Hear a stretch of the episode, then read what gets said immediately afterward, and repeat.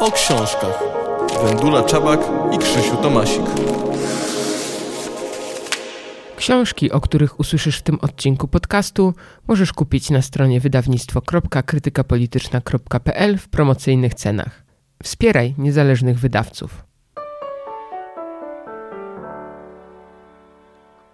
Dzień dobry, witamy w podcaście Krytyki Politycznej o książkach. Ja nazywam się Wendula Czabak. A ja Krzysztof Tomasik. I dzisiaj porozmawiamy o naszej serii historycznej. Tak, jak co miesiąc spotykamy się, żeby opowiedzieć Państwu o naszych nowościach i nienowościach, czyli po prostu ciekawych i wartych polecenia książkach wydawnictwa krytyki politycznej.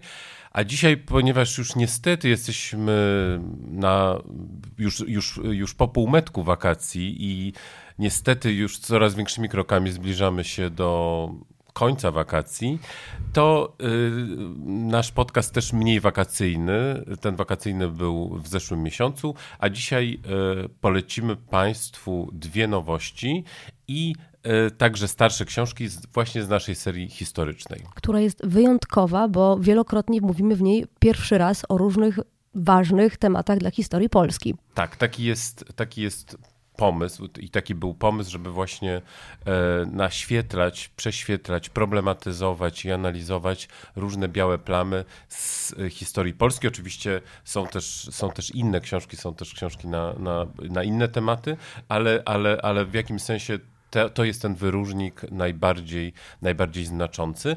A co nas mm, jeszcze bardziej cieszy, to fakt, że ta seria, dużo książek z tej serii spotyka się z ogromnym zainteresowaniem, nagrodami, e, Państwa komentarzami. Są to książki ważne nie tylko dla nas, ale również dla Państwa, dla jury. I to jest, i to jest, i to jest, i to jest najcudowniejsze. Yy, przy, przypomnijmy właśnie kilka takich książek, naszy, naszych takich ostatnich mm, sukcesów, yy, tutaj można powiedzieć największych.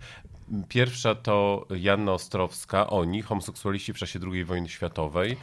Wyjątkowa książka, nie tylko dlatego, że przepraszam cię bardzo ubiegłoroczna, y, ubiegłoroczna laureatka Nike Publiczności i y, ubiegłoroczna finalistka y, Nagrody Literackiej Nike. Dokładnie, a w swojej książce Joanna Ostrowska oddaje głos ofiarom II wojny światowej, homoseksualnym ofiarom II wojny światowej, o której do czasów jej książki mówiono w bardzo stereotypowy sposób, że ich po prostu nie było. Tak, to jest rzeczywiście książka prekursorska, pierwszy raz opisująca sytuację Polaków e, i e, mężczyzn na ziemiach polskich właśnie skazywanych z paragrafu 175, z niechlubnego paragrafu właśnie penalizującego seks między, między, między mężczyznami. Książka, tak jak, tak jak mówiłem, prekursorska, bardzo się też cieszę, że to jest taka książka przełamująca stereotypy i fakt, że ona się znalazła właśnie w finale Nike, książka historyczna, to nie jest rzecz taka ta, taka oczywista. Tym, A przy tym została doceniona przez czytelniczki i czytelników, bo dostała nagrodę od nich. Tak, więc, więc tym bardziej jesteśmy, jesteśmy dumni i szczęśliwi i, i, i bardzo się cieszymy, że właśnie to jest ta jedna z tych książek. Zresztą y, poprzednia też, też książka y, Pawła Majewskiego, która także znalazła się w finale Nike, także książka historyczna, więc bardzo się cieszymy, że, że, że właśnie doczekaliśmy tych czasów, że Nike oznacza e, nie tylko literaturę e, piękną, ale także literaturę faktu, która też jest literaturą i którą też, i którą też warto, warto doceniać. No ja myślę też, że warte jest podkreślenia to, że nie tylko cieszymy się, że książka się ukazała, że spotkała się z takim wspaniałym odbiorem i wzbudziła tyle tyle dyskusji, dostała nagrodę, ale też e, z tego co wiem od Joanny pod, otworzyła domowe archiwa. Tak, rzeczywiście, że, że do niej zgłaszają się, się różne osoby y, i gdzieś okazuje się, że poruszyła jakąś falę i że tych historii jest dużo, dużo, dużo więcej. To jest tylko jakiś, y, jakaś niewielka część, a, a tak naprawdę to nie mieliśmy pojęcia o tym, jak, jak dużo tych prześladowań e, w czasie, w, czasie, w czasie wojny i po wojnie, a także przed wojną było. Więc to, to, jest, to jest nasza, nasza wielka duma i wielka radość. Inna nasza wielka radość, Jakub Gałęziowski, niedopowiedziane biografie, polskie dzieci urodzone z powodu wojny. To jest kolejny temat nieobecny do tej pory w e, polskiej historii o dzieciach, które urodziły się z powodu II wojny światowej. Tak, chodzi tutaj o dzieci albo ze związków z okupantem albo okupantem, z albo- gwałtów z czerwonoarmistów, tak, z przemocy seksualnej. y, No albo i, potem z wywiezionych do robót kobiet, które zachodziły w ciążę tak, za- za- poznanymi tam mężczyznami. Zarówno, zarówno właśnie z Niemcami, jak, jak i też, te, też czasami się zdarzały z wyzwolicielami amerykańskimi. Te historie często bardzo dramatyczne, mm, poruszające, y, także, tak, ta, także bardzo ważne i także prekursorskie. I także książka y, spotkała się z bardzo życzliwym odbiorem i jest laureatką prestiżowej nagrody polityki, nagrody y, dla książki historycznej za debiut, z czego też bardzo się cieszymy i, i, i, i gratulujemy. I to jest też, y, to jest też tak, że, że, że bardzo się cieszymy, że nasze książki y, właśnie regularnie, mm, regularnie są w finałach nominowane właśnie do, do tej nagrody. I a- zdobywają nagrody. a niektóre z nich nawet, na, nawet wygrywają, co też nas bardzo, bardzo cieszy. Y, I mamy książkę Ani Dobrowolskiej Zawodowe dziewczyny, prostytucja i praca seksualna w PRL-u. To jest właśnie taki przykład y, książki, która też była nominowana właśnie do Nagrody his, y, Historycznej Polityki. Ale odniosła też inny sukces. Że tak powiem, show biznesowy, ponieważ, ponieważ rze- rzeczywiście ta książka zainspirowała twórców Netflixowego serialu Brokat, właśnie o prostytucji w PRL-u i e, Anna Dobrowolska była jedną z konsultantek tego, tego serialu. No i oczywiście też nie muszę mówić, że, że temat, temat prostytucji, e, temat pracy seksualnej e, właśnie w, w PRL-u to też, te, to też temat w dużej mierze stabilizowany. I, Przemilczany, że zacytuję Joannę Ostrowską. tak, i, i rzeczywiście do tej pory raczej e, patologizowany niż, e, niż, niż opisywany i analizowany.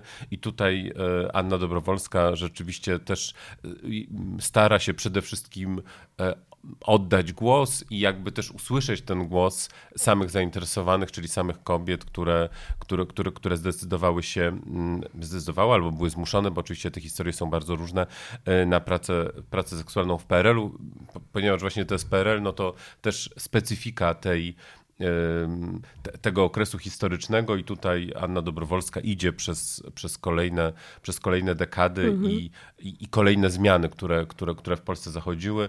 E, Książka na pewno, na pewno warta polecenia i też e, to, to jest taka jedna, jedna z pozycji, która, która myślę, że się nie będzie starzeć. To znaczy mam nadzieję, że oczywiście będą powstawać kolejne książki na ten temat, ale ale, ale myślę, że zawodowe dziewczyny jeszcze długo y, nie stracą y, nic ze swojej świeżości. Więc jeżeli Państwo jeszcze jej nie czytaliście, to polecamy.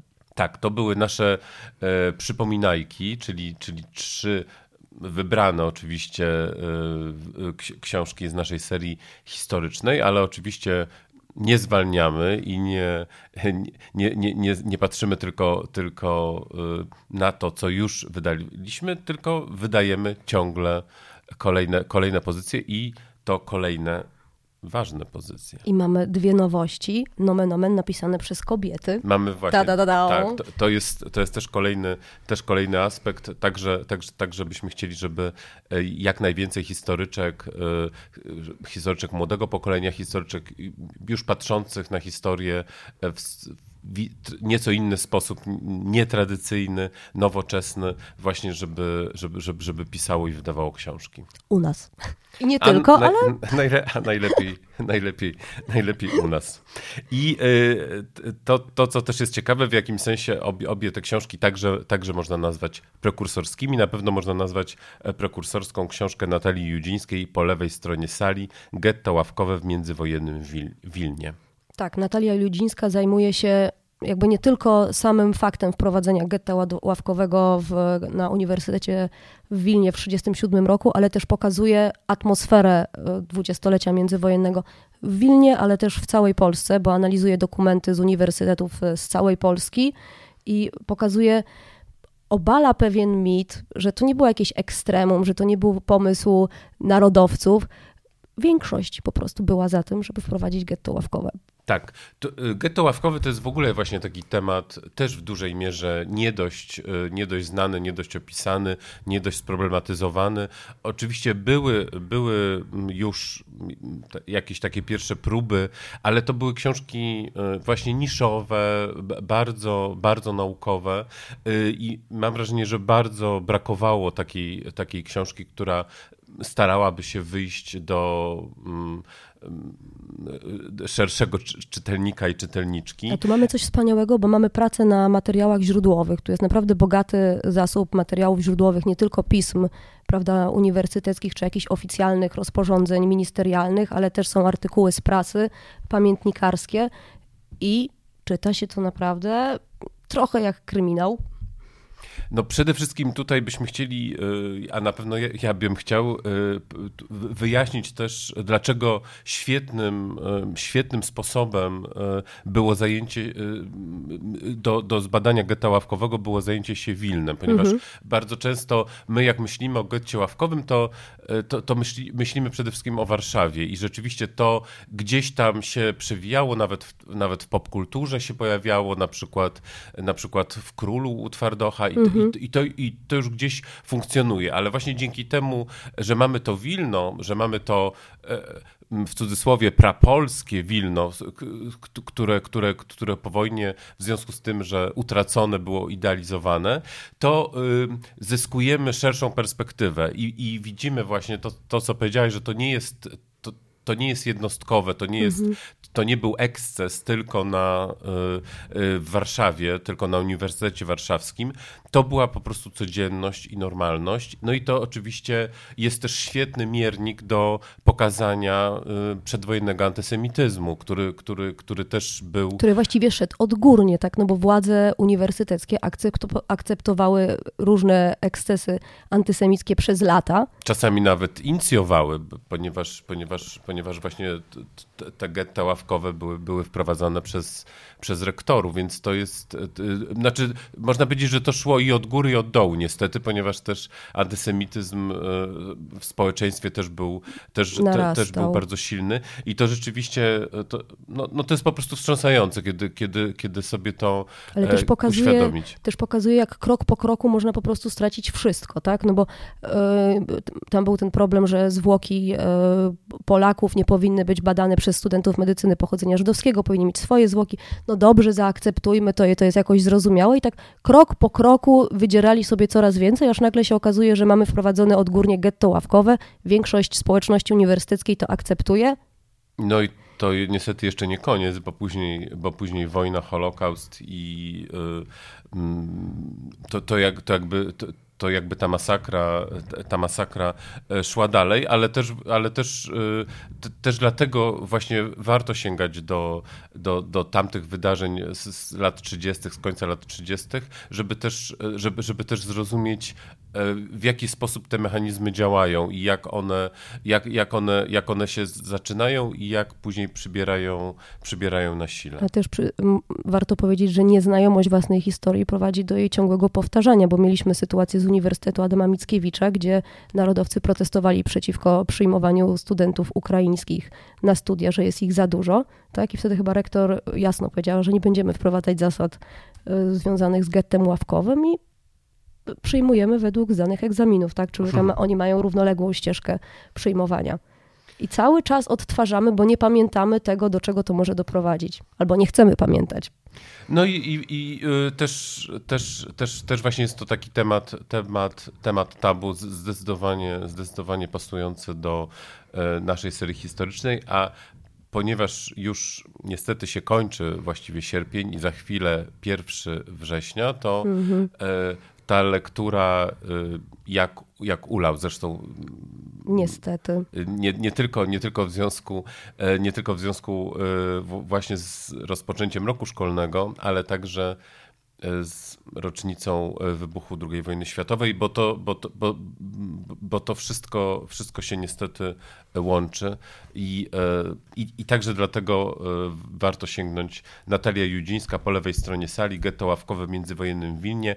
Ta książka już się ukazała, już jest dostępna, można ją kupować zarówno w papierze, jak i w internecie, do czego bardzo serdecznie zachęcamy a czekamy na premierę książki Magdy Szcześniak Poruszeni Awans i emocje w socjalistycznej Polsce, która ma premierę 1 września.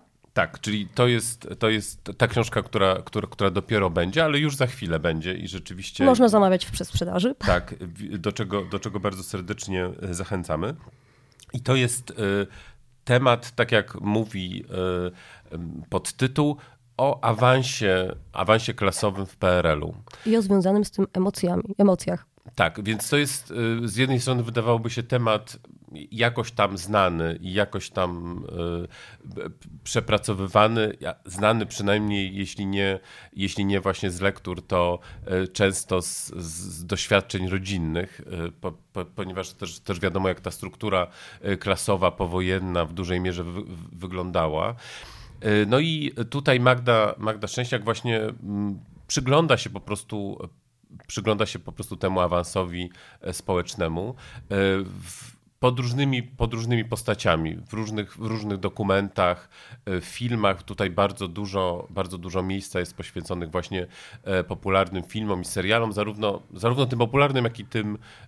Kronikom filmowym. Mało popularnym, tak.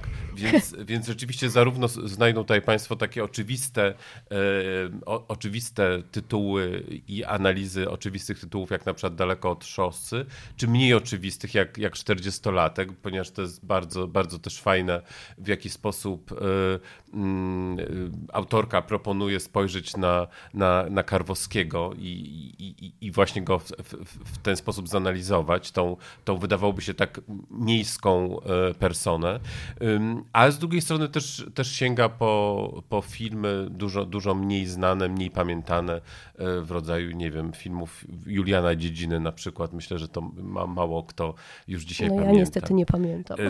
E, e, więc, więc, więc, więc, więc to jest taka, taka, taka próba przepisania tej, e, tej znanej historii. Myśl, myślę, że tutaj tą książkę też można spokojnie wpisać w ten, w ten obecny nurt, e, który, który, który mamy na rynku, czyli, czyli nurt e, ludowy, tak. w którym zapoczątkowany przez Adama Leszczyńskiego i przy okazji oczywiście też polecamy obrońców pańszczyzny, o których, o których też mówiliśmy, naszą, jedną z naszych, z naszych tegorocznych nowości w serii historycznej. Właśnie przez Adama Leszczyńskiego zapoczątkowane ludową historią Polski, więc y, y, ponownego przepisywania pozornie, pozornie, pozornie znanych i przerobionych, e, przerobionych tematów z dzisiejszej perspektywy, z dzisiejszą wiedzą i e, z dzisiejszą świadomością.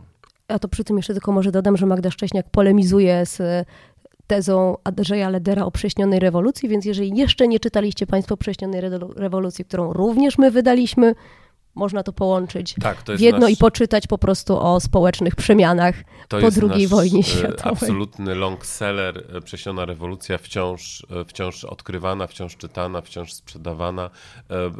Fantastyczne, fantastyczne uczucie, kiedy szczególnie na polskim rynku, który, w którym książki tak szybko znikają i są zapominane. Nasze nie. Tak, my staramy się, żeby nasze książki żyły jak najdłużej, a tutaj, tutaj się to wyjątkowo udało i to jest rzeczywiście wspaniałe. A przy okazji oczywiście możemy zapowiedzieć, że czekamy na najnowszą książkę Andrzeja Ledera, także, także, także bardzo niecierpliwie. Ekonomia to stan umysłu, taki jest tytuł. Y, myślę, że, że, że bardzo intrygujący. Y, jak, jak mm, zapowiedzi e, e, brzmią, będzie to coś zupełnie innego niż Prześniona rewolucja, e, więc myślę, że tym większa gratka dla, dla wszystkich fanów Andrzeja Ledera i tamtej książki. Na pewno o niej opowiemy w którymś z kolejnych odcinków, bo w następnym odcinku porozmawiamy o serii z koloratką. Y, tak, to, to, jest y, nasza, y, nasz żart właściwie wewnętrzny. Oczywiście nie mamy serii z koloratką. Tak nazywamy Na książki kościelne, czy opisujące ko kościół, czy związane z kościołem tematy.